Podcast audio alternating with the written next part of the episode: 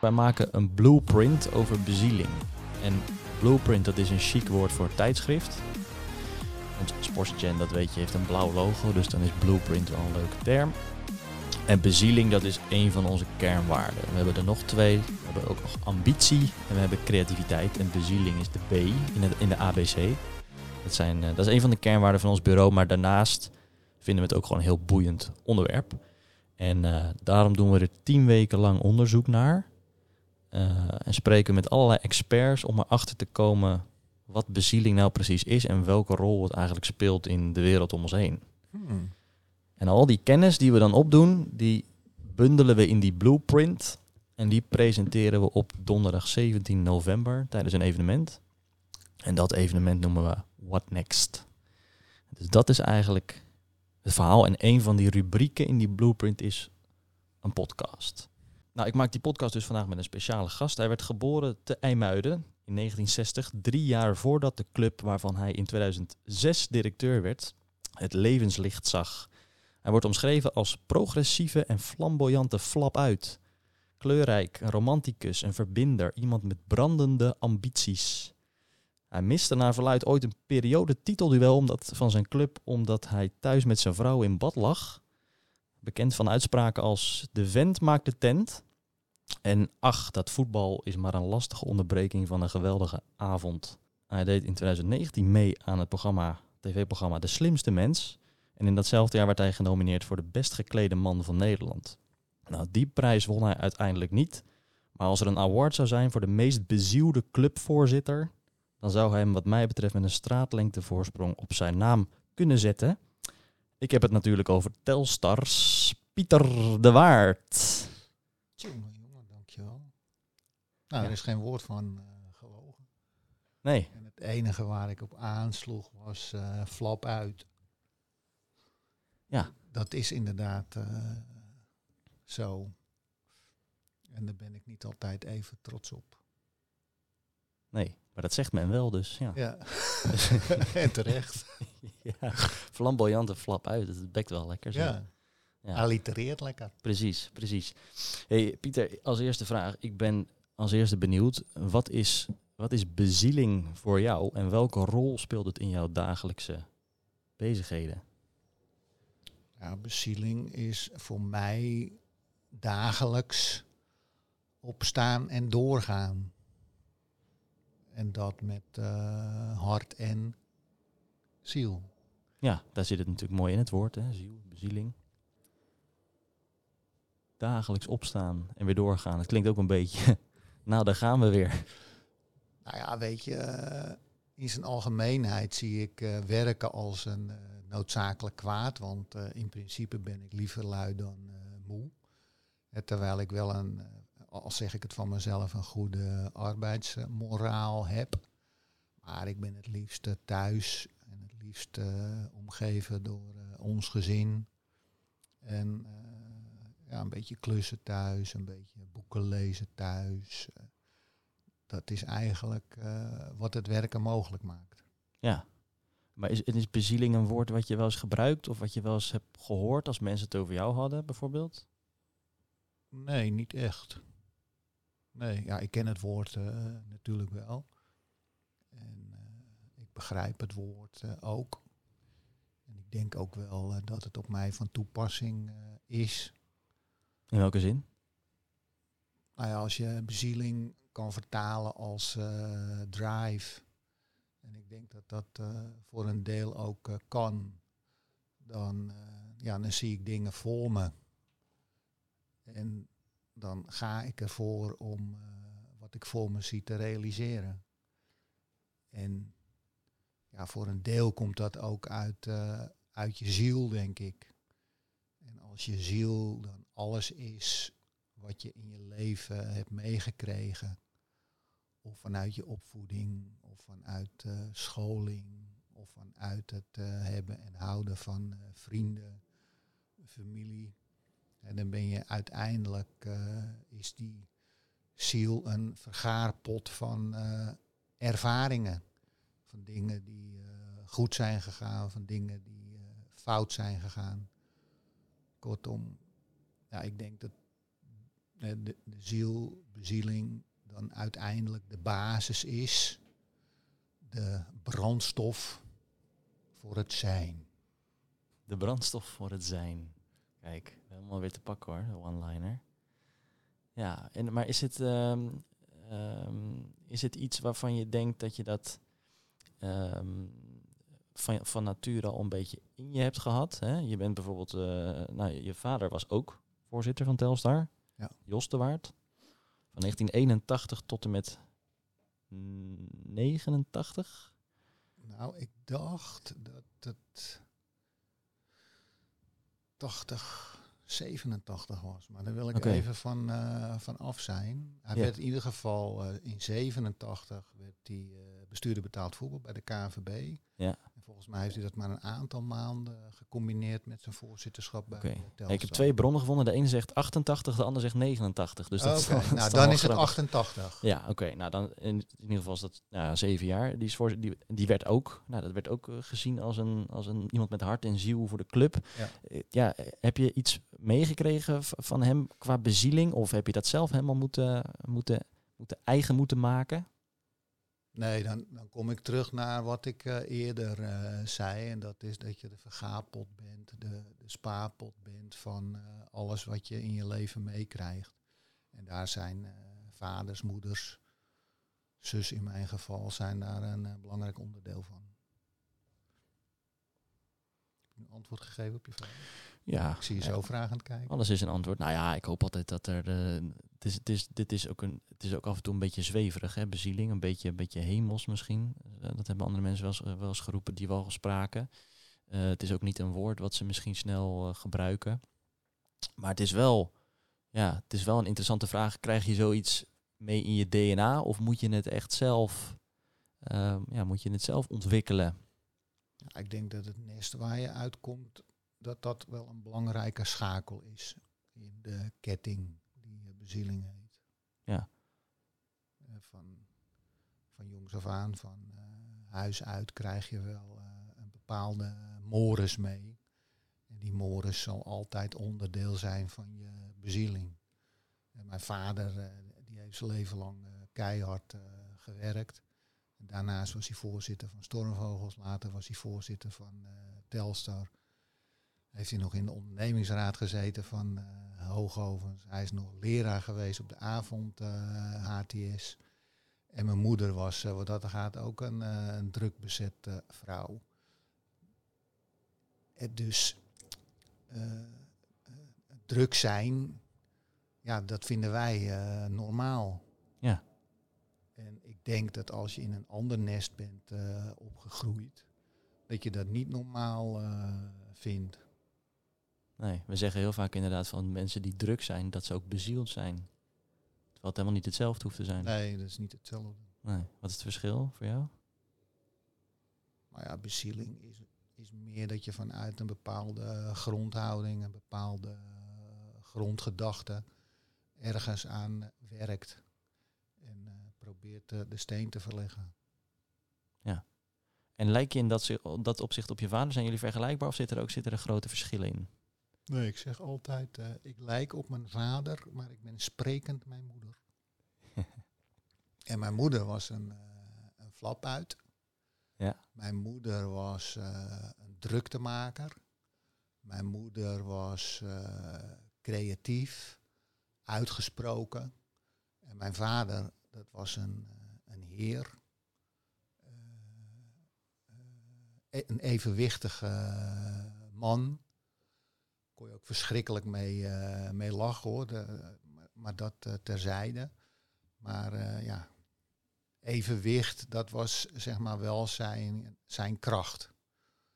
Dus in principe in alle omstandigheden hetzelfde. Net niet onderkoeld. Nee, Dat.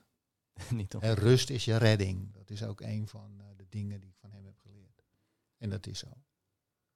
Dat is, is dat de belangrijkste levensles die hij heeft bijgebracht? Of zijn er meerdere? Nee, ik denk dat de belangrijkste levensles is eh, dat het komt je niet aanwaaien. En dromen, dat is eh, geweldig. en realiseren nog mooier. En dat moet je zelf doen. Dat wordt je niet aangedragen. Dus dat is wel uh, frappé toujours, wax on, wax off. Ja. Hey, ik las in een interview uh, van een paar jaar geleden, ik weet niet of jij dat nog weet, toen omschreef je dat je drie grote doelen in je leven hebt. Weet je, weet je nog welke doelen dat zijn? Ik denk dat je doelt op uh, creatief hoofdredacteur van de Voetbal International. Ja, heel goed, dat is één. Uh, bondsvoorzitter van de KFB. Ja. En cabaretier. Ja, heel goed. Heel goed. Ja, uh, inderdaad, de eerste creatieve hoofdredacteur van de Voetbal International. Is dat nog, uh, is dat nog steeds iets wat speelt? Nee, volgens mij hebben ze inmiddels uh, drie hoofdredacteuren. Dus laat ja. staan dat ze nog op een vierde zitten klopt. te wachten. En eentje daarvan die komt toevallig ook bij de presentatie van, van de Blueprint oh, op 17 ja? november. Die is erbij. Ja. En, en wie is dat? Dat is je naamgenoot. Pieter. Pieter Zwart. Oh, Pieter Zwart, ja. Ja. jonge vent. Jonge vent, ja. ja dan ben ik een grijze muis bij. Ja. ja. Ja, maar dat is juist een mooie. Uh, dat zou, het zou toch wat mooi zijn, Pieter en Pieter? Ja. Ja, maar ik denk dat hij al uh, de cre creatieve geest is uh, binnen het trio. Ja, dat zou jouw rol zijn. Ja, creatieve hoofdredacteur. Ja, wel mooi. En is dat van waar is dat een ambitie geweest of nog steeds? Nou ja, dat, dat kwam gewoon een keer. kwam er een, een vraag en dan, dan, dan, dan, dan, kijk je terug naar een, een korte periode daarvoor uh, waar je van gedroomd hebt. En dat zijn dan drie van die, uh, van die dagdromen. Ja. Van god, ja, dat, dat lijkt me eigenlijk ook wel leuk om, om te doen. Ja. En ik heb in mijn leven altijd dingen gedaan, altijd gestart bij klussen waar ik uh, de wereld waar ik dan in zou bivakeren, die, die kende ik uh, nooit. Hè. Dus wat dat dan gaat, ik heb in de olie- en gasindustrie gewerkt. Ja, daarvoor heb ik nooit in de olie- en gasindustrie gewerkt. Ik heb aan tijdelijke toilettenverhuur gedaan. Ja, in die business had ik nog nooit gewerkt. Ik ben één pit, ik heb zelf een trainingsbureau gehad. Ik had geen eens uh, trainingen toen ik ze al uh, verkocht had. Ik ben in de voetballerij uh, gestapt, ja, zonder dat ik de voetballerij kende. Dus wat dat er gaat, zie ik ook geen, zijn, geen grenzen en geen obstakels. Waar ik altijd blind op vaar, is mijn creatieve, wat ja, creatief uitgesproken geest en het feit dat ik uh, makkelijk met mensen omga. En wat nog belangrijker is, dat mensen makkelijk met mij uh, omgaan. Ja. En dat is uh, ja, wat mij betreft de basis. Als het gaat om ja, waar droom je van? En kan dat dan ook? Want dat kan, dat heb ik bewezen. Ja, en je zegt komiek. Toen zei je, ik ben beter dan Klaas Dijkhoff, althans als komiek. Dat was... Uh, ja, dan moet je het in de tijd plaatsen. Ja, dan moet je het in de tijd plaatsen. Dat was, uh, Klaas Dijkhoff is inmiddels natuurlijk ook uh, niet meer de meest relevante persoon. Maar toen wel. Ja, maar eigenlijk, ja, en bondsvoorzitter van de KVB, daar heb je toen nog echt campagne voor ja. gevoerd, hè? Dat, daar heb ik echt alles aan gedaan om dat te worden. Ja. En de eerste dag dat ik kenbaar had gemaakt dat ik in de race was wist ik al dat ik het niet zou worden. En dan heb je de keus. Van uh, doe je net of je neus bloedt en ga je gewoon uh, door. Of uh, ga je bij de pakken neerzetten en, en stop je ermee. Nou, dan ben ik jammer genoeg opgegroeid in een gezin waarin het woord stoppen niet in het woordenboek stond. Heb ik ervoor gekozen om door te gaan. En uh, ja, tot op de dag van vandaag is dat nog een. Uh, en dat is raar, hè, want je weet dus dat je het niet wordt. En hoe wist je dat, dat je het niet wordt dan? Nou, binnen de KNVB zijn er gewoon, uh, plat gezegd, machtsblokken. En die machtsblokken bestaan uit 50% stemmen amateurs. Daarvan wist ik bij aanvang al dat die naar de kandidaat zou gaan. De kandidaat die door de bond naar voren zou worden geschoven. Dus in dit geval Just? Just. Just Spee. En bij de profs wist ik sowieso al dat uh, de stemmen van PSV en de stemmen rondom uh, PSV, die zou ik ook niet uh, halen. Want Toon Gerbrands was geen voorstander van mijn kandidatuur. Oh. Oké, want? Ja, dat weet ik niet, moet je aan Toon vragen. Ik, ik, heb het overigens uit de tweede hand, maar die ah. heeft tijdens een bijeenkomst van de eredivisieclubs gezegd Pieter de Waard, dat nooit. Die komt er niet of in. Worden, of worden van gelijke strekking.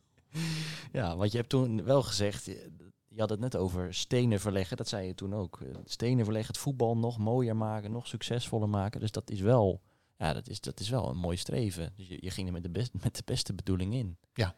Ja. Precies. Maar eigenlijk zou je ook kunnen zeggen, als je het bij elkaar optelt, dus creatief hoofdredacteur, komiek en bondsvoorzitter, eigenlijk doe je het nu gecombineerd in één functie als directeur van Telstar. Is dat een beetje uh, overdreven? Uh, er zijn wel, uh, ja, nee. ja, dan op een ander uh, niveau, hè, want elk niveau heeft zijn eigen, eigen niveau en impact. Maar ja, dat zou je zo eens kunnen stellen. Ja. ja. Is het, in hoeverre is het nog ehm, eh, een ambitie van jou eh, of iets wat je, nou ja, wat je echt nog serieus een keer wil proberen van die drie of misschien nog wat anders buiten die drie eh, doelen? Nou ja, je geeft je ogen altijd de kost. Ik ben nu met mijn achttiende seizoen bezig, 17 jaar bij de club. En dan komen er wel eens dingen voorbij, maar die leg je dan terzijde en daar ben ik nog nooit op teruggekomen. En nu heb ik me voorgenomen om uh, bij de club uh, mijn pensioen uh, te halen. En dat betekent dat ik nog vijf jaar actief wil zijn bij, bij Telstar. En als me dat gegund wordt, dan gaat me dat lukken. En anders niet. En dan komt er wel iets, iets anders op mijn pad. Ja, mooi. Hey, je staat ook wel bekend om, en daar ken ik je ook wel van, van de, van de meest spontane ideeën die af en toe ontstaan. En dan in positieve zin volledig uit de hand lopen. Ja. En dat, noem ik bijvoorbeeld uh, Frankie number 6, hè? parfum, waar ik het verhaal van heb gehoord dat jij op een dag binnenkwam en uh, om je heen keek en uh, dacht, hé, hey, wie ruikt hier zo lekker? Ja. Dat dat geëscaleerd is tot een eigen parfum van de clublegende van Corpushoek. Ja. Louis van Gaal heeft hier een wedstrijd op de bank gezeten met een loterij. Dat was minder spontaan dan, dan Frankie, want dat was echt het idee. En binnen drie weken was het op de markt. Maar met Louis, daar zijn wel drie brainstorm sessies aan vooraf gegaan. Voordat we, in, in een periode van uh, negen weken. Voordat we dachten van yes, dat is hem. Zo gaan we het uh, doen. En dat was dan de hoofdprijs van de loterij. Ja, want voor de duidelijkheid, ik kon dus een loterij, was loterij. En de hoofdprijs was dat je naast, zijn. naast Louis op de bank mocht zitten in de wedstrijd tegen Jong AZ, volgens mij. Uh, ja, daar is toen Jong AZ voor, voor gekozen. Ja, ja, terugkijkend is het natuurlijk een belachelijk idee. En hoe geweldig is het dat dat allemaal uh, gelukt is. Ja, en het is, maar het, ook al is het misschien achter de schermen, uh, gaat er een periode aan vooraf. Het leek allemaal alsnog alsof het redelijk snel ontwikkeld was, ook in vergelijking met de andere ideeën. En dan heb je natuurlijk ook nog uh, de All Together Challenge. Hè? De Witte ja. Leeuwen spelen al drie jaar op rij rondom Coming Out Day. De laatste editie ook weer in een regenboogtenu. Ja. ja, dat zijn ideeën die je niet zo snel bij andere clubs ziet. Maar kun je uitleggen, hoe komt het nou dat hier bij Telstar altijd ideeën, en vooral onder jouw voorzitterschap, die ideeën in positieve zin compleet uit de hand lopen? Ja, ik denk toch dat wij uh, bekend staan als een club die ruimte biedt aan uh, andere ideeën dan het uh, normale gemiddelde. Bijvoorbeeld de All Together Challenge. En dat we al drie jaar in dat kader in een speciaal gemaakte shirt lopen. Dat is buiten ons ontstaan. Ik meen dat het of bij jullie vandaan kwam, of bij de John Blankenstein Foundation, of bij Robij. Ja. En dan wordt dat idee geopperd. Ja, en het is ook wel een beetje hier zo dat alles uh, buiten de orde, dat vinden we het meest uh, aantrekkelijk. En we zijn niet bang en omarmen initiatief snel. En daarin lopen we onszelf ook wel eens voorbij. Ja, dat zou ik net vragen. Zijn er, zijn er wel eens dingen die zelfs voor jullie te gek waren, waarvan jullie uiteindelijk dachten van, nou dat gaan we niet doen? Nou, ik zou, zou ze zo 1, 2, 3 niet uh, kunnen bedenken. Anders dan dat we de afgelopen eh, zes, zeven maanden binnen de organisatie in wat eh, ruw weer zijn eh, gekomen. Door eh, verloop eh, met, bij, bij collega's. Dat we nu wel eerder zeggen van nou weet je, nu even niet. Maar kom over een maand of zes, hè, dan eh, denken we de organisatie weer op orde te hebben. Kom over een maand of zes eh, nog eens terug en dan eh, denken we er weer over na. Ja. Dus ja, het moet in ons gevoel ook wel eh, behapbaar eh, zijn. En zelfs in het vinden van het behapbaar zijn gaan we wel eens te ver, waardoor we op ons tenen moeten lopen met de bezetting die we hebben. Is het dan misschien ook wel eens voorgekomen dat je iets wel gedaan hebt waarvan je achteraf dacht, oeh, dat hadden we beter niet kunnen doen. Dat is toch Ja. niet zo goed geweest. Ja. Maar die ga ik niet benoemen. Maar Nee, dat snap ook, ik. Dat is ook wel eh, gebeurd, ja. Maar nou, weet je, dat, dat is een enkele keer. En in een eh, loterij eh, zitten ook nieten. Meestal eh, meer nieten. Ja. Zelfs in de loterij bij Telstar, waar de hoofdprijs is dat je naast Louis mag zitten, Ja. zitten ook waren meer nieten. meer niet. Maar eh, wel een gigantische hoofdprijs. Precies. Hey, ja, je zegt het, je- 17 jaar voorzitter, 18e seizoen bij Telstar. Ehm, eh, ja, het begin dat heb ik allemaal niet zo bewust meegemaakt, maar wat ik gelezen heb is dat Telstar toen op sterven na dood was. De club, dat, de, dat de club er niet goed voor stond. Ik ben wel benieuwd, ehm, wat moet er nou nog bij Telstar worden gerealiseerd? Ja, er is al heel veel bereikt, het is al heel veel ten positieve gekeerd. Maar wat moet er nou bij Telstar nog gerealiseerd worden voordat we jou onder de middenstip kunnen begraven? Nou, dat, dat nooit. Dit is overigens een ingezonde vraag van mijn collega Ed. Dus eh, deze woordkeuze heb ik niet bedacht. Nee. Het geeft wel aan, het is wel- een mijn- mooie symboliek. Mijn eh, diepste wens is dat eh, mocht ik het loodje gaan leggen, en ik, ik geloof nog steeds in onsterfelijkheid, mocht ik het loodje gaan leggen, dan, dan heeft dat niets te maken met Telstar of in de periferie van Telstar. Maar ik vind dat eh, sterven en eh, herdenken, dat is weggelegd voor eh, familie en vrienden en niet voor organisaties. Dus ik hoop ook niet dat er een minuut stilte wordt gehouden of dat die jongens met rouwbanden moeten lopen. Maar ja, het staat iedereen vrij om daar dan op een bepaalde manier bij, bij stil te staan. Maar geen Hosanna als ik dood ben. Ik wil Hosanna voordat ik sterf. Precies. Dus ook geen feest en partij hier als het zover is. Nee, nee. nee. Maar als je hier nog rondloopt. Ja. ja. En wat, maar even terugkomt op de vraag. Wat zou hetgene zijn wat er nog gerealiseerd moet worden? Wat jou betreft in de komende vijf jaar. Waarmee je eigenlijk zegt, nou nu kan ik met een gerust hart met pensioen. Nu ben ik tevreden over hoe ik de club achter heb gelaten. Het allerbelangrijkste vind ik eh, dat. eh, ja, het, het klinkt een beetje eh, heftig en eh, uit de hoogte. Maar ik vind het belangrijk dat de club, dat ik de dat ik aanwezig ben op mijn afscheid. En dat we dan de club over kunnen dragen aan de volgende generatie.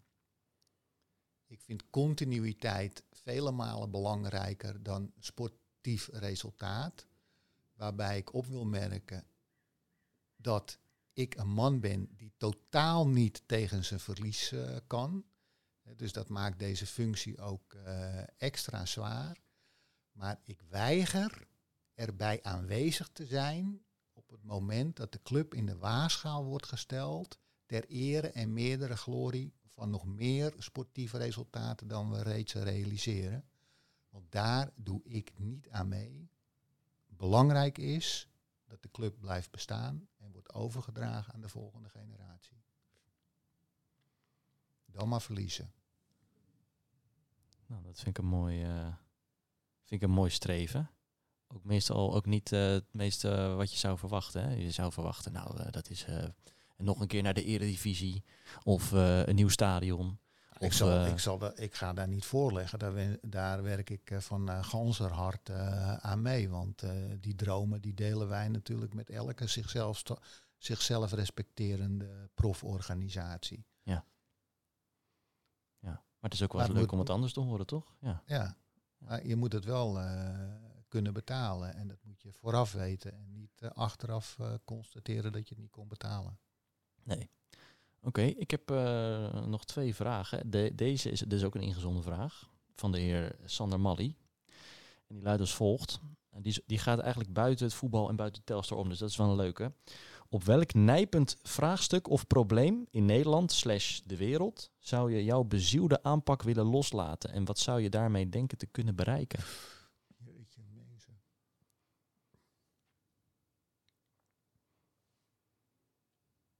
Nou ja, in zijn, in zijn algemeenheid vind ik dat we in Nederland, maar dat is eh, geen eh, exclusief eh, Nederlands dossier, maar dat we er alles aan doen om elkaar in hokjes te stoppen. Hè, in plaats van één grote, vrije, blije ruimte hoor jij in het hokje creatief. Jij hoort in het hokje cultureel. Jij hoort in het eh, hokje sport. Jij hoort in het hokje eh, dit geloof. Jij hoort in het hokje dat geloof. Ik zou ervoor willen pleiten om eh, te stoppen elkaar in, naar, naar hokjes te verwijzen. Maar gewoon ja, globaal. je bent mens. En dat is de ruimte of het hokje wat je toebedeeld eh, krijgt. En van daaruit eh, bezien we de wereld. En niet vanuit een eh, specifiek hokje waar je in bent gedouwd. En vaak ook zelf niet voor gekozen hebt. Ja, en zou dat iets zijn waar je jezelf dan als een soort voortrekker in zou zien? Dat je denkt, hey, dat, dat is een expeditie die ik zou, zou ik kunnen leiden in een hypothetische zin? Ja, dat denk ik wel. Maar dan moet je toch wel eh, van een andere statuur zijn dan eh einddwaas van Telstar. Einddwaas, ja. ja. Staat dat ook op je kaartje? Op je... nee. Het zou wat zijn. Oké, Daar staat ehm, Pieter de Baard. Maar ik heb, ik heb geen baard meer. Oké, ik heb nog één vraag. Ja, eh, je bent nu 62. Volgend jaar word je 63. Nou, dit is mijn 63ste levensjaar. Precies, zo zou je het kunnen zien. Maar is, het, is dat, dat, is een, dat is een bijzonder getal voor deze club, voor jou ook. Eh, ja, wat kunnen we nog iets bijzonders verwachten in dat 63ste jaar? Nee, wat, wat mij betreft, eh, wat mijzelf betreft, eh, niet. Ik weet niet of ik dat op een andere manier ga, ga beleven dan alle jaren hiervoor. Maar feit is wel dat eh, doordat ik bij eh, Telstar eh, ben gaan werken en doordat mensen binnen de club mij hebben geleerd hoe belangrijk eh, 1963 eh, is, meer specifiek 17 juli 1963. En het getal eh, 63 heb ik dat ook wel direct geadopteerd en probeer ik dat zoveel als mogelijk mee te nemen in, eh, in woord, gebaar, geschreven, gesproken. 63, dat is iets heiligs hier en dat eh, moet vooral zo blijven. Ja, nou, ik zie dat deze podcast ook precies 19 minuten en 63 seconden Kijk, duurt. Dat zou ook geen toeval dat zijn. is wat we willen. Dat is wat we willen. Pieter, het, als jij nog, eh, als jij geen eh, nabranders meer hebt, dingen waar je nog wil, op wilt terugkomen, dingen waarvan je zegt, ja, als het over bezieling gaat, schiet me dat nog te binnen, dan wil ik je heel erg bedanken dat je hier eh, wilde zitten en jouw ervaringen en kennis en inzichten wilde delen over bezieling. Nee, ja, het enige wat ik. eh, ik gun iedereen eh, bezieling toe. En als ik dan teruggrijp naar de aanvang van het gesprek. bezieling of zo je wilt, drive. Dat is toch, althans voor mij, en dat gun ik dan een ander ook, eh, ja, de, de motor of de brandstof voor eh, binnen je werkzaam eh, leven natuurlijk ook privé. Maar in mijn werkzaam leven heb ik daar dan toch wel het meest eh, profijt van. Ook omdat ik liever lui ben dan moe. Pieter, bedankt. Alsjeblieft.